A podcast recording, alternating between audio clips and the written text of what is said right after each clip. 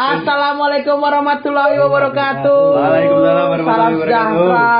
Salam sejahtera. Kali ini bintang tamu kita nggak kaleng-kaleng aja ya. Waduh, dari Artis, YouTube. Ah, dari intronya udah wah, kenal lah. Jack? sebelum kita mulai kenalin ya, saya Angga dari Visibol dan teman saya. Panji dari Fakultas Sosial Perikanan. Us. Nah kali ini bintang tamu kita udah kita bilang nggak main-main. Nggak ya. main-main. Dia Artis. YouTube. Artis YouTube juga. Oke. Anjir artis lucu. Sekarang Eh, coba. Ini misu nggak apa-apa kan? Nggak apa-apa, nggak apa-apa. Siapa Slow, tahu slow, nggak slow. boleh kan? Slow, slow, Slow. Soalnya enak nih, ng- ngobrolnya udah enak. ya kan? siap, siap. Oke mas, dengan siapa mas? Oh ya, halo teman-teman. Perkenalkan nama aku Krung. At- Nama lengkap perlu disebutin? Perlu, perlu, perlu, perlu. Nama sebenarnya nama asliku Karolus Dewangga. Hmm. Cuman teman-teman manggilnya Krung. Tuh, jadi dari Pispol juga, cuttingnya Angga. Hmm. Panggilanku juga sama-sama Angga sebenarnya gitu. Angga, Angga itu nama pasaran. Agak pasaran sih. Pasaran. Tapi biasanya orang-orang yang namanya Angga tuh keren-keren sih. Jelus, pembelaan anjir. Iya. Ini apa nih jurusannya? Apa? Oh, aku sosiologi. Sosiologi. Iya, sosiologi. Gila ya bro, Gila, kita ngundangin, kita mau ngundang Krung loh, Krung ini di YouTube apa nama akun YouTube-nya? Apa sih? Lupa. Departemen telek. Departemen Departemen gaji. Ya, Gaji. Aduh, aku malu ya dulu dibahas. Bagi, bagi. Terus eh, sebenarnya kita mau nanya ya, aja ya. Heeh. Ke Mas pertama nih. Sebenarnya aku boleh ngasih tahu ini nggak pendengar kalian suatu fakta nih. Oke, boleh, boleh, boleh. Enggak sih, jadi teman-teman ini ini nggak ada skripnya, nggak dikasih tahu pertanyaan apa, jadi bener-bener ngalir aja sih Iya. pembicaraannya gitu. Jadi ya bisa dibilang agak jujur sih mungkin. Hmm, jujur. Seben- Ngomong, ngomong. Sebenarnya waktu itu Mas Krung mau memulai departemen gaji itu kenapa Mas Krung? Oh. Nah, motivasinya ini apa gimana? Motivasi ya? Iya. Jadi sebenarnya kalau motivasi itu ada dua versi nih, Hmm. tapi khusus buat teman-teman mendengar eh merdeka mendengar Iya, ya, iya. merdeka mendengar, kebalik-balik sukanya mendengar merdeka apa merdeka mendengar. Ini aku kasih tahu alasan di burjonannya aja. Jadi waktu itu kan aku balik KKN, balik KKN terus skripsian kan. Ya biasa masih udah tua kan. Skripsian cuman kayak jenuh, jenuh terus yaudah kebetulan si Hilmi tau kan si Hilmi. Hmm. Salah satu, salah satu temenku itu. Uh, ya aku kenal dia dari semester 1 ya deket lah istilahnya. Terus aku dia pindah kosan. Jadi aku main ke kosannya ngobrol-ngobrol terus makan kan. Lapar udah ke Burjunan makan. Terus ngobrol soal kehidupan. Iklan dulu guys. Iklan dulu, guys. Ad- ini adsense adsense adsense Oke, AdSense ya. ya adsense dulu iklan dulu nggak bisa di skip iklannya ini Ini nggak bisa di skip ya terus. Iya. Aduh, gimana nih terus? Aduh, Aduh. ini obrolannya apa adanya. Apa adanya, ini. apa adanya. Bagus loh, Iya. sesuatu yang sangat ini Iya. natural. Terus ya udah ngobrol-ngobrol, eh, sampai kepikiran sih. Jadi dulu waktu semester 3 atau 4 gitu, aku sama Ilmi memang sama temenku satu lagi namanya Vino, kita bertiga Hmm. itu berencana bikin konten, bikin YouTube lah istilahnya. Kita terinspirasi dari Hebrew TV. Jadi teman-teman kalau tahu Tretan Muslim, Oh, Hebro TV. Ya, tahu, dia tahu, tahu. sebelum di MLI dulu sempat main juga di Hebrew TV. Hmm. Oke. Dia bikin challenge waktu itu makan pedes dan itu wah bangsat banget itu keren banget sih. Eh, maksudnya gimana ya? Konsepnya yang keren apa? Konsepnya Idenya. terus idenya terus bagaimana dia bisa menantang limit dalam dirinya makan cabe apa itu? Pokoknya pedes banget sih aku kayak bener-bener udah ngeliat tuh pengen muntah sendiri dan aku terinspirasi kayak wah bisa sih bikin konten gini kayaknya seru sih buat gila-gilaan. Karena emang dasarnya kan aku orangnya ya emang gak jelas kan orangnya wis random lah pokoknya. Nah terus nyoba tuh aku yang ngameramein aku yang bikin aku eh aku yang bikin kamera aku yang kamerain terus yang jadi talentnya Hilmi sama si Vino. Ah. itu kita makan geprek cabe 50 apa ya nggak usah. Aku- Cabe Cabe 50, coy. tapi itu belum itu nggak kelar habis makan cabai 50 sikat gigi pakai odol gitu wah itu Wah. Itu main gak itu? Main gak itu? ya besoknya si, si kalau nggak salah Vino nggak berangkat kuliah film aku lupa si Hilmi itu gimana ya Hilmi normal normal aja sih tapi mental aja. aku ya aku nggak makan ya cuma ketawa aja Tahu aja. nah itu posisinya di kosnya mas kameramen Oh. Nah, kayak kita bertiga nih di departemen gaji sama mas kameramen juga. Nah itu pas kita bikin video pertama itu di Hmm. tempatnya mas kameramen. Nah terus kita ngeliat tag videonya. Nah karena pada waktu itu kan baru semester 3, semester 4 kan kalau di sosiologi kan wah kayak top intelek banget loh, Iya, kritis iya, kan. iya. Nah, kritis. Terus kita- ah, aku dan Hilmi Vino bertiga melihat wah kok ini kayaknya nggak banget deh, kayak kurang-kurang sosiologi. Maksudnya Hmm. kurang-kurang keren, kurang intelek ya, Kurang kurang sampah. Kurang mengedukasi. Ya, kurang edukasi bahasanya tuh biasa bahasa bahasa akademisi lah. Nah, kita melihat wah ini kayaknya nggak sih, nggak nggak kita banget gitu. ya sebenarnya lebih kalau aku lebih jujur ya sebenarnya aku kemakan gengsi karena kan circleku waktu itu anak-anak visipol dan ngerti dia tuh visipol gitu Oh, maksudnya kritis, pembicaraannya adalah pi buruh nih kini Daki-daki, eh. daki karena emang seperti itu kan Iya. kondisinya waktu itu dan juga masih tahun kedua dia kemakan gengsi akhirnya udah daripada dicakatin sama teman-teman udah mending gak usah akhirnya udah itu tersimpan dan aku kayak gak tahu filenya di mana sampai sekarang itu pokoknya udah pokoknya udah udah zaman kapan udah hilang kayaknya filenya udah terus Habis itu kan udah pada sibuk sendiri-sendiri nih. Si Ilmi kan dia di ya kita punya kesibukan di BDW lah. Akhirnya itu ketemulah, wah ini flashbacknya jauh banget ya. Akhirnya ketemulah di bodoran lagi. Terus kepikiran karena lagi suntuk kan. Eh, Mi bikin video yuk gitu. Terus bilang, ayo bikin nih ngobrol-ngobrol-ngobrol-ngobrol. Udah jadiin kita nentuin nama departemen gaji itu nggak nyampe nggak nyampe semenit itu. Jadi Rekor ya, penuh- apa? saking saking randomnya sebenarnya. Saking Jadi random jadi ya. biasanya orang eh, mikir nama filosofinya dulu baru nama atau gimana gitu. Kita namanya dulu baru dicocok login aja. Akhirnya filosofinya apa nih biar bagus gitu. Kira ketemu nama departemen gaji sebenarnya terinspirasi dari Silmi pengen bikin kayak MLI gitu kan sebenarnya. Karena kan kontennya MLI itu sebenarnya cerdas. Iya, Eh, bagus, bagus. eh, sindiran-sindirannya mesti kayak ya, jokesnya tuh itu dibikin maksudnya nggak cuma asal jokes gitu dipikir kan nah Silmi suka banget ya udah kasih nama apa nih majelis ada masa eh, kementerian kan nggak nggak lucu kan? Posisi aku juga lagi jadi jadi Menteri lagi ya, lagi di band, lagi di band. Lagi di band. sama Mas Panji sama Mas Panji. Aduh, ini temanku sebat ya ini. Kalau di band tuh sebat sama Mas ya.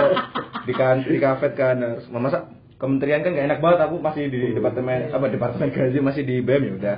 Akhirnya kepikiran oh departemen aja karena sama-sama sosio. Ya udah departemen. Terus apa nih departemen apa? Kan kalau MLI majelis lucu mereka Iya. lucu. Aku mikir suatu nama yang kira-kira orang debat kita nggak perlu ngedebat balik cukup dengan beberapa kata udah orang bakal diem apa ya? Awalnya departemen abstrak kalau nggak salah. Tapi abstrak kan kurang-kurang orang- nggak semua orang ngerti abstrak itu apa Apa, apa sih? Abstrak itu? Sok pinter banget Depart- sih. kan. departemen kompleks lah makin makin nggak susah departemen apa gitu banyak. Terus ketemulah udahlah departemen gaji aja. Terus aku lupa ilmiah apa aku yang ngomong. Terus yaudah kita sepakat udah gaji aja lah gak jelas. Pokoknya ketika ditanya "Eh, kenapa namanya departemen gak jelas? Ya gak jelas gak emang emang nggak tahu namanya nama itu emang gak jelas. Dan ketika orang kritik kita ya salah sendiri nonton. Orang kita nggak- udah tahu namanya departemen gaji nggak jelas pasti ditonton. Jadi, jadi sebenarnya kita kepikiran nama itu sebagai bentuk mekanisme pertahanan diri kita terhadap terhadap gengsi sebenarnya. Terhadap gengsi, Iya. boleh, Biasanya kan apalagi pasti teman-temanku visipol waktu itu wah gila nge-youtube nge-youtube nge-youtube. Kan? Iya. Karena kan istilahnya terjadi penurunan dari uh dulu ketua FMF nih wong wangun. Tiba-tiba tiba-tiba nge-youtube Pak. jadi konten kreator. Ada yang kurang ketua FMS terus menteri sinema mas. Gak maksudnya kan juga kalau dilihat tuh sangat lucu gitu loh. Maksudnya ya sejalan dengan Anthony Giddens. Waduh, mati. Waduh, waduh, Anthony Giddens. Ayo, berarti identitas refleksi lah. Identitas refleksinya agak agak ngawur gitu kan dari sesuatu yang serius tiba-tiba jadi konten Kok kreator. jiwa kegoblokan saya keluar. nah akhirnya dari situ eh yaudah jadi departemen gaji awalnya gara-gara itu sebenarnya kalau motifku dan Hilmi motif terselubungnya setelah kita ngobrol itu sama Eh apa ya sama-sama kita ngerti nggak bakal lulus semester itu kira-kira kira-kira soalnya kita sama-sama mengalami demotivasi gitu kan Terus kita berpikir wah kira-kira eh apa ya sesuatu yang bisa kita lakukan buat jadi alasan Hmm. kalau kalau ini nggak tahu sih kalau aku mikirnya ke situ akhirnya oh Alasannya. ya udahlah aku ngerjain YouTube aja skripsiku tinggal dulu dan alhamdulillahnya kan naik ya YouTube maksudnya bisa lah maksudnya buat ditunjukin ke orang tua dan ada hasilnya juga gitu Hmm. jadi kayak ketika ditanya oh kok semester 7 nggak lulus kenapa bro ya soalnya YouTube tanpa aku harus bilang orang-orang udah ngerti jadi Iya.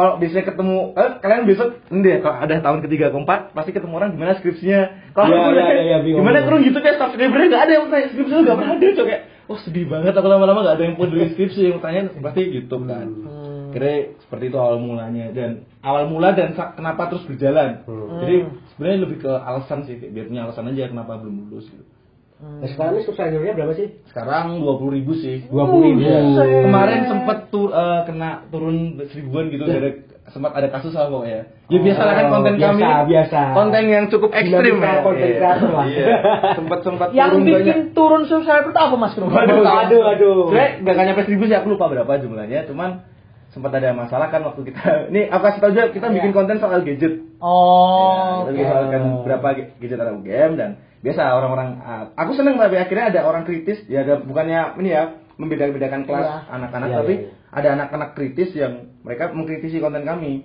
Meskipun sebenarnya menurutku kritik kritiknya nggak substansial, tapi at least dia mengkritiknya tuh bisa menyusun kritiknya dengan cukup baik. Oh. Meskipun sebenarnya orang masuk ini, tapi Orang masuk. Orang masuk. Jadi pak, jadi Ayo sengit paling. Eh, mungkin mungkin tapi nggak tahu sih tapi ya udah dan menurutku kritiknya itu sempat ini sih aku buka-buka aja. Jadi Aduh, aduh, aduh, aduh, aduh. sempat hits juga sih di ini kalangan anak-anak FEB sebenarnya ya. Oh, wah. masalah sama anak-anak FEB tapi bukan anak-anak FEB-nya sebenarnya ya ada ada beberapa anak-anak Oknum, FEB oknum. oknum lah oknum. Oknum.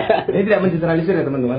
Ya udah terus permasalahan itu kan kira eh, sempat di report juga eh, kontennya. Di report. Ah, di report tapi tapi nggak apa-apa maksudnya ujuk nggak ke blok atau apa sih.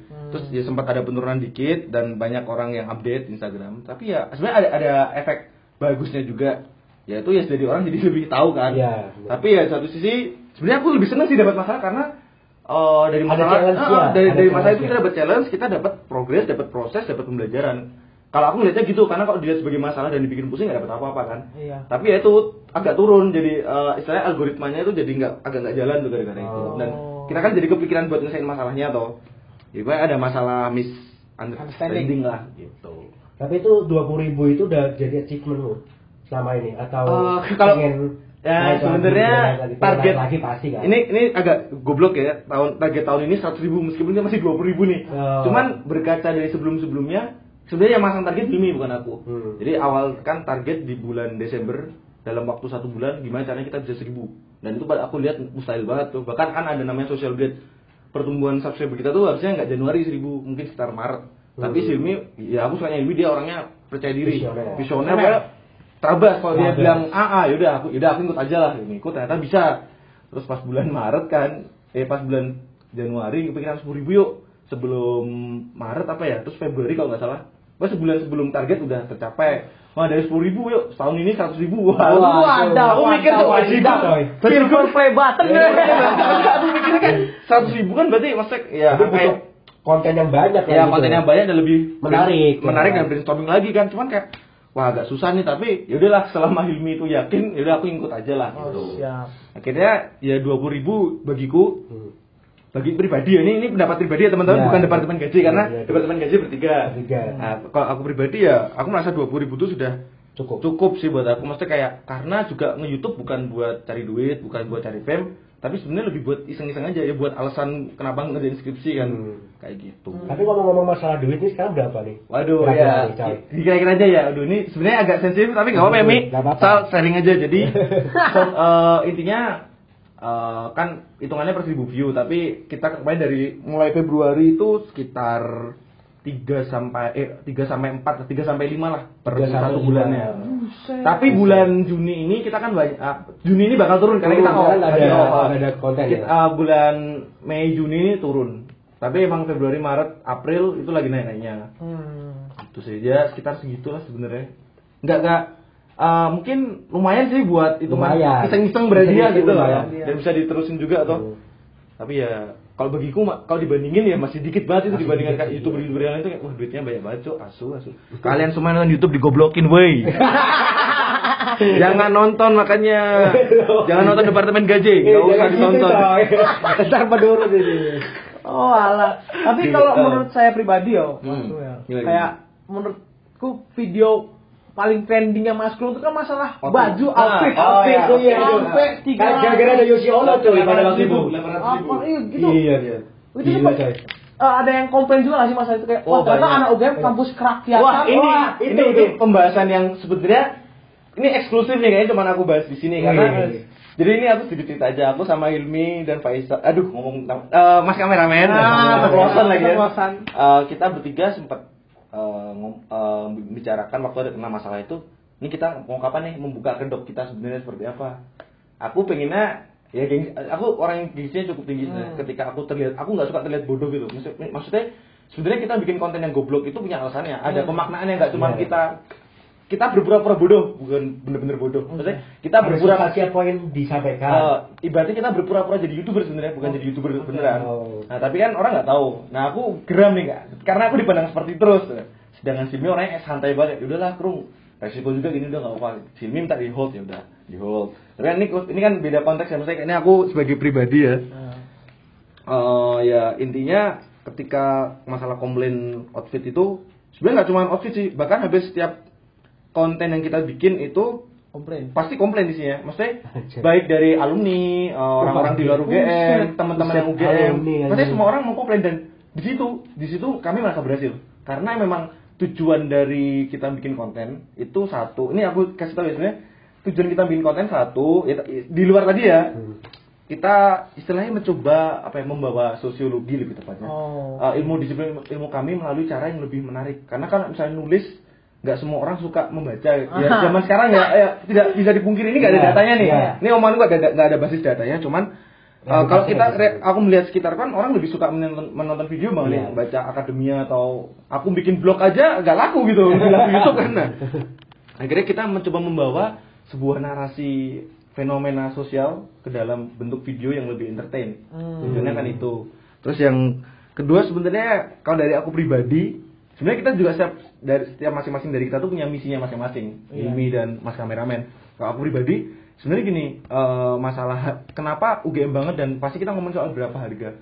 Sebenarnya itu eh, ki- kita ya aku nggak tahu sih Ilmi sepakat apa ya mungkin aku aku pribadi ya Hmm. berpikir untuk mendek bukan mendekonstruksi bahasanya banget Eh, membongkar makna kerakyatan. Karena selama ini orang melihat kerakyatan itu sebagai bentuk status sosial aja. Ketika Iya. anak UGM itu sederhana oke dia kerakyatan. Ketika anak UGM itu membantu masyarakat sekitar oke dia kerakyatan. Ketika ma- mahasiswa UGM itu berpihak pada rakyat yang tertindas atau tergusur gara-gara hotel dia kerakyatan. Iya, pasti iya. gini ya karena di kita belajar soal ya aku dan ini belajar soal non etis gitu bahwa ya nggak cuma soal baik dan buruk gitu loh kita harus melihat sesuatu ya itu hanya sebatas fenomena yang menjadikan itu baik atau buruk kan interpretasi kita Iya.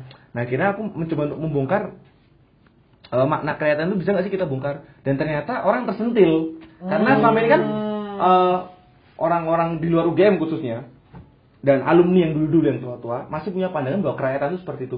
Padahal di zaman sekarang menurutku makna kerakyatan itu udah harus benar-benar cair, harus menyesuaikan dengan konteks zamannya. Karena udah nggak bisa lagi bahwa kerakyatan itu cuma status sosial. Bagiku pribadi kerakyatan itu bukan soal statusnya apa atau apa yang dia eh, apa dia berpihak sama rakyat. as literal literally rakyat ya. Tapi lebih kepada spiritnya. Dia kuliah buat apa? Eh, dia apa yang bisa dia berikan kontribusinya jadi apa? Ya itu spirit kerakyatan. Karena kan rakyat berjuang untuk hidup untuk dirinya sendiri bukan berarti ini individual ya tapi Iya. intinya yo dia hidup rakyat tuh intinya apa ya, sang- ya, sangat abstrak sih sebenarnya. Karena aku tidak sepakat dengan makna kerakyatan yang terlalu sempit yang cuma dikotak-kotakkan kayak gitu. Dan akhirnya berhasil.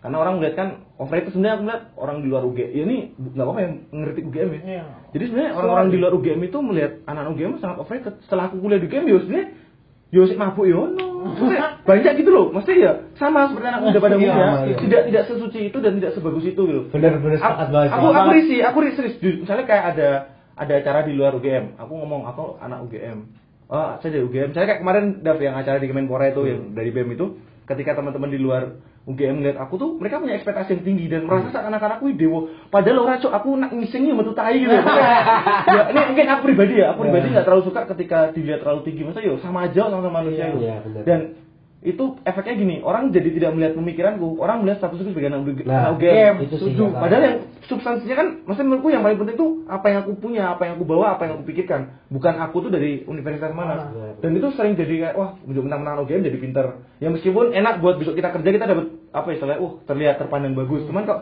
dalam konteks diskusi atau ngobrol kita tuh malah menjadi di anak bawangkan aku merasa malah Iya. merasa diremehkan dengan Iya. status UGM dimanjain sih dimanjain jadi orang ya oh yo oh Iya. yo Chan. apalagi saya KKN wah ini sekolah UGM gitu. wah mereka tuh punya harapan padahal yo anak UGM yo menurutku biasa baik gitu loh Biasa baik sih. nggak nggak ter- nggak setinggi nggak setinggi itu meskipun memang ba- baik-baik anak Over UGM lah. ya over banget Yo, nah, akhirnya- bahkan saya dulu waktu SMA yo, pas tahu saya masuk UGM, aduh cewek saya chat, terus dia nggak balas-balas. Tapi pas saya tahu dia saya masuk UGM, langsung di chat saya, aduh, over. sama sama Ngeri aku juga juga. gitu aku juga gitu masuk UGM tuh derajat tuh langsung naik naik naik naik ya pulang-pulang ke SMA lu wah gila ya.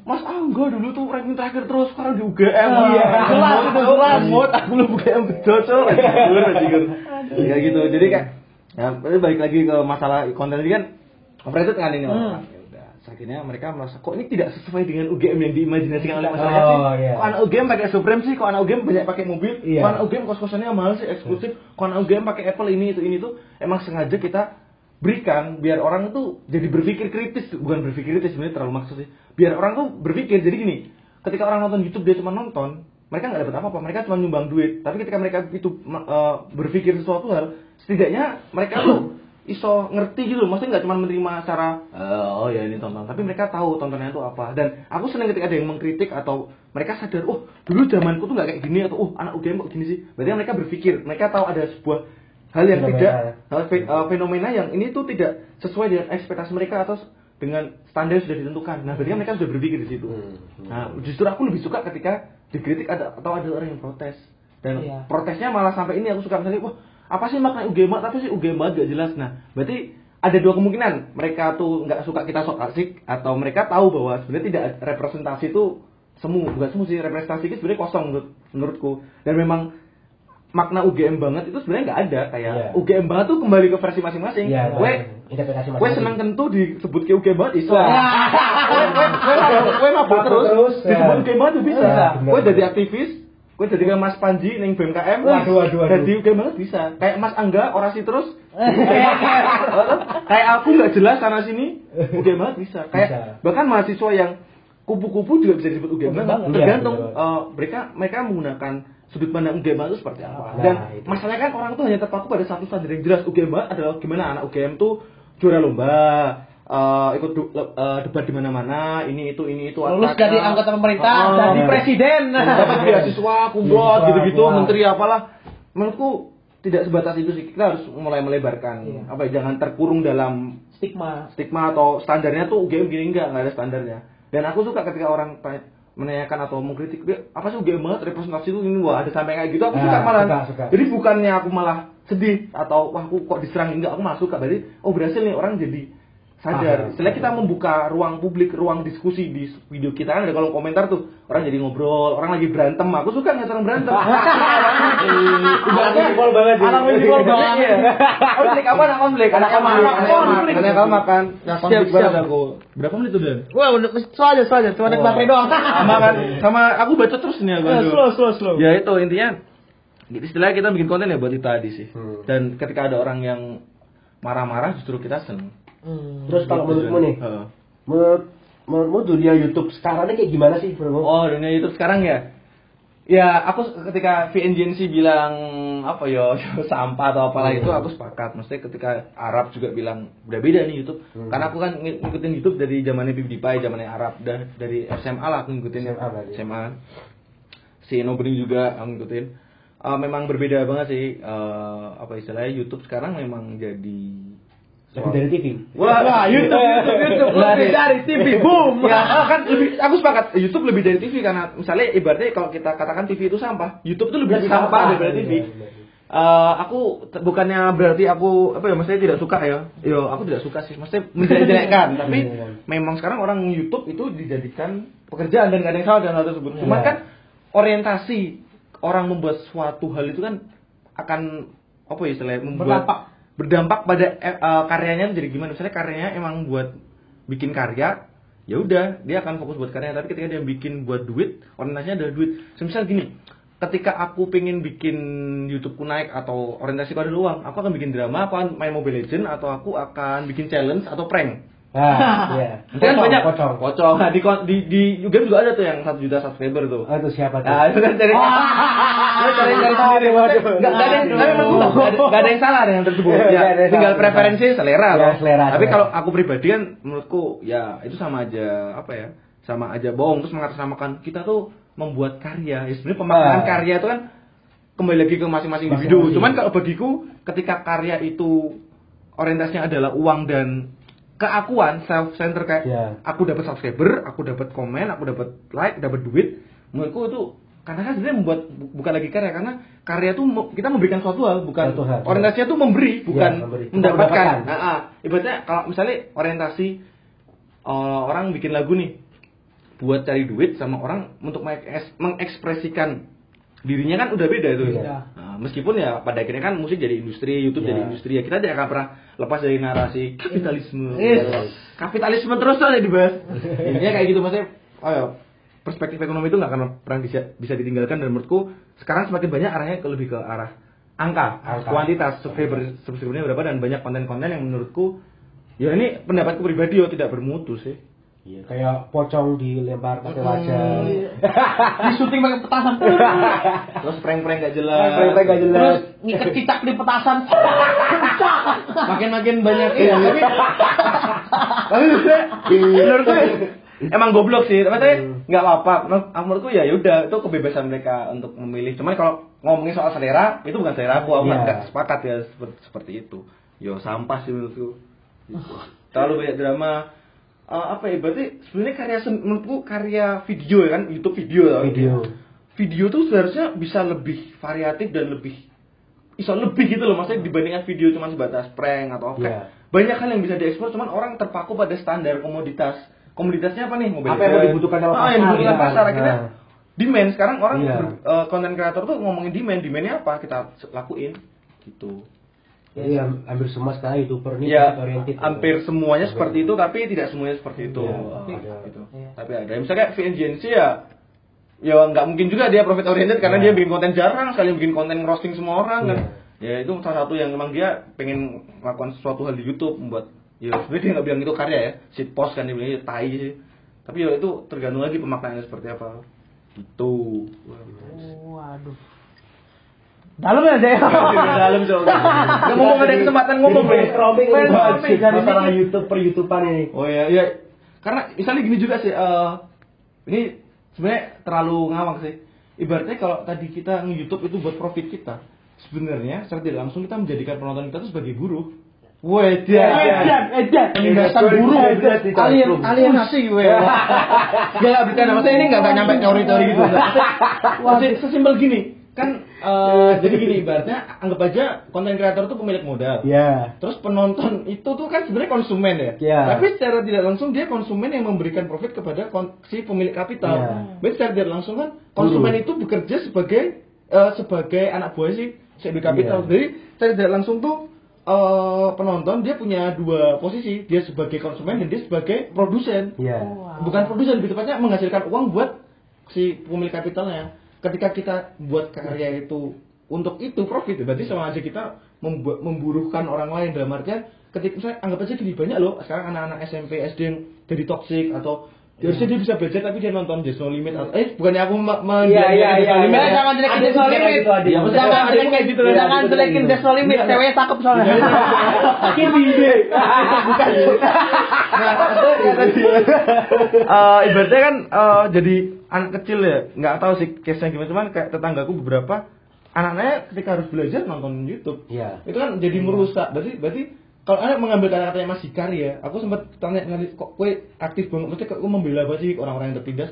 Ya dia bilang, ya aku merasa aku punya tanggung jawab moral. Dan di sini aku juga merasa dari membuat konten konten misalnya YouTube, Hmm. aku merasa juga punya tanggung jawab moral dong.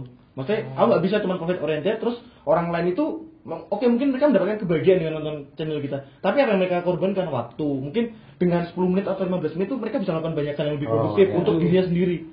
Ya meskipun masih menjadi perdebatan apakah Iya. nonton YouTube itu uh, pertukaran uh, simbiosis mutualisme, parasitisme, konsen uh, atau yang satunya aku lupa namanya apa. Tergantung kan cara pandangnya, tapi aku merasa parasitisme kalau konteksnya itu adalah profit oriented. Itu sih. Ya sedikit trivia, trivia sedikit melenceng dikit aja. Tapi iya sih kayak aku kayak lihat kan dulu tetangga tetanggaku Hmm. gitu kan dulu ya pas aku kecil ya kayak ngeliat sekarang dulu apa dulu main badminton, Hmm. main bola, main lompat-lompatan gitu lah. Tapi sekarang kalau aku kembali ke Cibubur tadi apa kemarin ya, aku lihat sekitar rumah itu main. Mobile Legends, mabar, rank kan? PUBG. ya PUBG. Wah itu buset tuh mereka tuh bisa melakukan hal yang lebih bersosialisasi secara Oh, langsung iya. dari dibanding main melalui virtual HP dan lain sebagainya Iya, iya, gitu. bener. Jadi emang sebagai konten creator istilahnya kita tuh juga berperan dalam merubah Dalam tatanan ekosistem eh, YouTube iya, ya. ekosistem ekosistem YouTube, ekosistem bermasyarakatan berarti kita seorang konten creator itu punya tanggung jawab terhadap perubahan eh, apa ya, istilahnya perubahan pola interaksi yang ada di dalam masyarakat tuh. Hmm. Ketika orang bikin konten PUBG dan Mobile Legend, anak kecil akan lebih suka main Mobile Legend dan PUBG dibandingkan bersosialisasi dengan orang-orang di sekitarnya. Iya. Dan aku bagiku nggak masalah, maksudnya itu pilihan gitu loh. Ya, Gue main cuman- main introvert, gue jadi antisosial, Oh. main PUBG terus nganti mati ya urusan gue. Tapi maksudnya ketika itu digiring, itu dipaksakan atau framingnya kayak gitu, tidak diberikan space, semua youtuber berpikir main Mobile Legend dapat duit, udah semua orang kan berpikir ke Mobile Legend tuh. Tidak memberikan variasi, sebenarnya permasalahan adalah Iya. variasi. Variasi. Aku, aku mempermasakan komoditasnya tuh, demandnya tuh itu semua masalahnya, kayak gitu. yang jadi jelek tuh bukan ketika anak kecil yang main Mobile Legends terus, tapi yaitu tidak ada kesempatan untuk melihat variasi video yang lain. Akhirnya kan digiring kan berarti, weh sedikit sensitif kita ngomongin narasi 65. Mungkin setelah tahun 65 kan narasinya digiring toh. Iya. Tapi setelah reformasi dibuka oh ternyata gini gini gini gini gini atau Iya. sejarah-sejarah yang lain. Kayak gitu ibaratnya. Wah, ini kita bikin podcast kayak kasih kuliah umum nih. Iya. Keren ya? aku bilang aku aku bilang tadi pagi jadi kuliahmu, Cuk. Aduh. Keren, keren, keren, ya kan aku nggak pernah menunjukkan ini departemen gaji Ya. karena juga faktor branding ya aku tidak mungkin dong ngomong sesuatu yang aku bilang ini nggak berat sebenarnya ya ngomong sesuatu yang rumit seperti ini kan Iya. nggak enak juga loh konsepnya departemen gaji itu gaji terus masa tiba-tiba aku ngomong kayak teori nih sopo misalnya bodrila soal Wah, masalah konsumsi iya. ya opo mas ini? Ini kan karena ya departemen gaji untuk untuk interaksi apa? Pasarnya pasarnya kan ada yang lebih interaktif kan. Ya, meskipun di dalam membuat konten juga sebenarnya kita itu merumuskannya juga kadang kita pakai nggak pakai teori sebenarnya lebih kepada pandangannya siapa soal apa. Misalnya kayak outfit itu kan kita melihat oh konsumsi simbol kan yang dikonsumsi bukan barangnya tapi simbolnya Mereknya. supreme-nya bukan kaos itu sebagai kaos bukan nilai barang bukan nilai guna tapi nilai simbolnya. Simbol simbol itu kan jadi becoming jadi representasi dirinya itu apa sih? Kelas sosialnya apa? Aku- kita bikin konten tuh sebenarnya sampai sejauh itu. Cuman Oh. nggak nggak kita nggak kita presentasiin dong kita presentasi. Bener, jadi teman-teman eh, outfit eh, berapa outfit? Itu nggak nggak nggak- lucu nggak lucu. Emang kita sengaja terlihat bodoh padahal sebenarnya nak di- dipikir jadi paper gitu maksudnya. Ketika ditulis jadi paper atau esai itu bisa sebenarnya. Cuman ya udah nggak masalah. Emang kita menunjukkan sisi yang lain Hmm. Hmm. gitu sih. Emang kita sengaja nggak bilang. Jadi kan se- sekarang mungkin teman-temanku banyak yang bilang kok kurung jadi sekarang jadi kayak gini kok padahal dia dake dake uh cah nihilis cah studi kok jadi kayak gini ki mengikuti tren. Nah, sebenarnya ya orang orang udah juga bro. Tapi ya nggak apa-apa. Karena orang cuma lihat itu doang. Iya. tapi beberapa temanku yang mau mendalami ngerti maksudnya oh kurung lagi ngeritik. Oh kurung sama ini itu bicarakan ini tuh kayak gitu. Sebenarnya kon- konten kita tuh nggak kosong cuma ngikutin tren aja. Kita pasti punya pasti diskusi dulu. Pasti kita bertiga debat dulu berantem dulu pasti di burjunan Hmm. gitu sih Wah, ternyata prosesnya lama itu kita bikin Prosesnya lama, keren keren. sekitar diskusi satu konten aja mungkin bisa 3 sampai 4 jam kita wah kamar mandinya Kenapa sih? Eh, Ada jangan jangan ada privasi. Wah, ada apa di mata gue?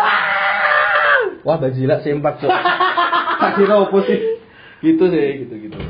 Terus ini ya. Hmm, gimana? eh, terakhir aja kayaknya. Hmm, Nah, iya, iya. iya. Eh, Udah lama banget nih kayaknya. Harapan Mas Krung untuk misalnya kayak pasti kan kayak wah ada Danang Giri Sadewa, Hmm. ada Carlos Ada Dewangga, Dianti- ada Dianti juga, Hilmi, ada Dianti, ada Dianti Anissa, ada Anggi, ada banyak Andi lah. banyak kan. Eh, banyak banyak di. Sipol itu bos semua. Ya bisa semua tapi ada anak Andriawan juga dari peternakan. Ada yang anak vokasi apa namanya? Eh, Hasan JR. Hasan JR. Ah. iya. Oh sampah itu. Ini ini departemen gaji nggak bilang apa-apa ya.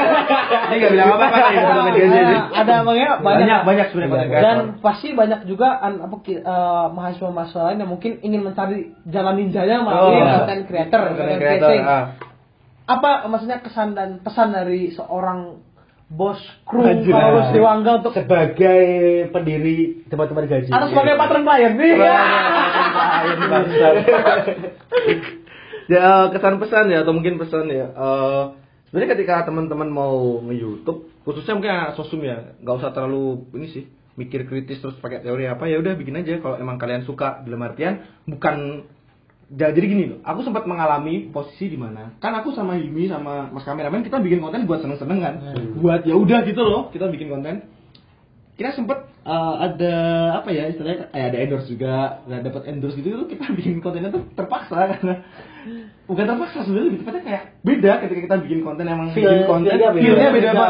sama kita bikin konten buat endorse tuh beda ya terserah. Teman-teman mungkin bilang wah departemen gaji berarti nggak profesional. Ya karena kita memang bukan YouTube ya ya gitu. Iya. Kita bukan youtuber. Kita sebenarnya juga ketika orang wah Mas Krung sekarang jadi youtuber. Ya enggak juga. Aku lebih suka disebut sebagai orang yang membuat video aja gitu. Loh ya. Atau orang yang ngiseng di YouTube. iseng aja iseng Ah. aja. Nggak jelas juga kan. Ya pesannya mungkin itu. Kalau teman-teman mau menemukan jalan ninjanya di dunia per ya dimulai aja. Maksudnya di UGM ini ini loh banyak banget sebenarnya konten-konten yang kalian bisa bikin. Dan kami tidak mengambil itu karena memang kami nggak mau gitu. Hmm. Nah, banyak sebenarnya dan teman-teman bisa explore aja. Atau mungkin kalau teman-teman mau mengcopy departemen gaji ya monggo silakan gitu loh. Maksudnya aku justru suka ketika orang-orang mulai berpikir ibaratnya malah lebih keren lagi ketika ilmu yang kalian pelajari di jurusan kalian masing-masing itu dibawa ke YouTube lebih interaktif. Jadi kan kalian menyampaikan sesuatu hal gitu loh. Nah aku tuh ya sebenarnya kami ya aku Hilmi Faisal tuh pingin pada suatu masa kita bisa menyampaikan ilmu so- ilmu sosial ataupun ke PBK-nya Mas kameramen tuh kan dia anak teknik ya Di- ke YouTube jadi orang bisa belajar juga udah get something gitu. jadi gak jadi kita tuh gak jadi masyarakat yang bodoh gitu loh Iya. ya nah kita ini ngomong kayak keegoisanku yo Iya. pengennya kayak gitu cuman kan belum saatnya masyarakat masih melihat YouTube sebagai sumber enter ya ini sumber apa ya penghiburan lah meskipun ada beberapa channel yang kayak misalnya apa Geolive ataupun Sinsari Karduan dia bahas hal yang liar gitu Ya. masa kita, kita kita belum bisa ke situ kita Ya. sebenarnya pengen ke situ cuman belum belum bisa ke situ karena orang udah udah ini udah kekunci nih departemen gaji tuh ya racet toh bahas-bahas apa pun dibahas gitu sampai Oke, harga oke, gadget oke, gitu oke. Keren banget sih. Keren itu banget sih coy. Eh, aku boleh boleh lihat gak nih berapa menit sih aku baca tuh ini Waduh. Ya setengah jam, mantap. Wah setengah jam kok Mantap. gila lama banget anjir. Ini rekor Rekor ini. Ya. bukan rekor muri. Apa? Mugem. Mungkin ya. Museum rek museum rekor UGM. Ya game game. Lama banget ya aku baca tiga setengah jam oke oke. Dimarahin Ilmi nih biasanya kalau aku lamaan baca gini. Tapi ya seru lah, mantap. Pokoknya sukses terus untuk Iya, terima kita kasih. semua. Iya, sukses. Terima kasih, terima kasih buat terima kasih banyak. Gaji, Terima terima kasih, kasih terima kasih. udah hadir Mengirimkan perwakilan. Wah, perwakilan ya. Perwakilan dari Lagi di Jakarta semua soalnya sekarang. Oh. Iya. Ini sedang membersihkan kali condet. Condet tadi. Iya. Oke. Lagi di Jakarta yang bisa ikut mana aku doang yang di Jogja kan. Eh terima kasih juga buat benar Merdeka mendengar. Iya, Merdeka Mendengar. Aku soalnya Merde- teman-teman buat Merdeka mendengar Mas Angga dan Mas Panji semoga semakin aku senang sih ketika ada anak-anak UGM yang bikin-bikin kayak gini. Maksudnya kreatif itu kan Yo pasti kalian punya interest sendiri kan di sini. Aku suka ketika kalian membahas apa yang buat kalian menarik dan itu memberikan insight juga buat teman-teman dan semoga bisa lebih banyak pendengarnya gitu. Ya, Amin. Amin aja ya. Amin. Mungkin ini sih teman-teman bisa collab sama banyak kok orang-orang yang bikin podcast sebenarnya di UGM. Cuman ya itu. Siapa? Siapa? Ah, ini salah satunya temanku uh, Arya Notaria. Dia se- nama podcastnya Sudut Pandang itu cukup terkenal juga sih. Mungkin teman-teman bisa ajak collab. Maksudnya uh, ini lah coba ciptakan ekosistem podcast lah di UGM. Karena kan UGM pintar-pintar ya. Wih, Edan. Ini nih terstandarisasi. Korban nih. Oke, terima oke. kasih Terima banyak ya. Ya, terima kasih aku juga terima kasih sudah diundang sudah Ya. mendengarkan. Saya Angga dari Visipol Saya Paji dari Fakultas Sosial Perikanan. dan Saya Krung uh, dari Departemen Gaji dan Departemen Sosiologi Psikologi. Iya. Dua departemen. Mengucapkan ucapkan? Minal aidin wal faizin. Mohon maaf lahir dan batin. Ya, minal aidin wal faizin teman-teman. Dan Ya. terima kasih telah mengkerungukan mengkerumukan ya. mendengarkan podcast kita. Iya. Sudah meresapi podcast kita. Iya. Sampai jumpa di episode berikutnya. Ye. Dadah.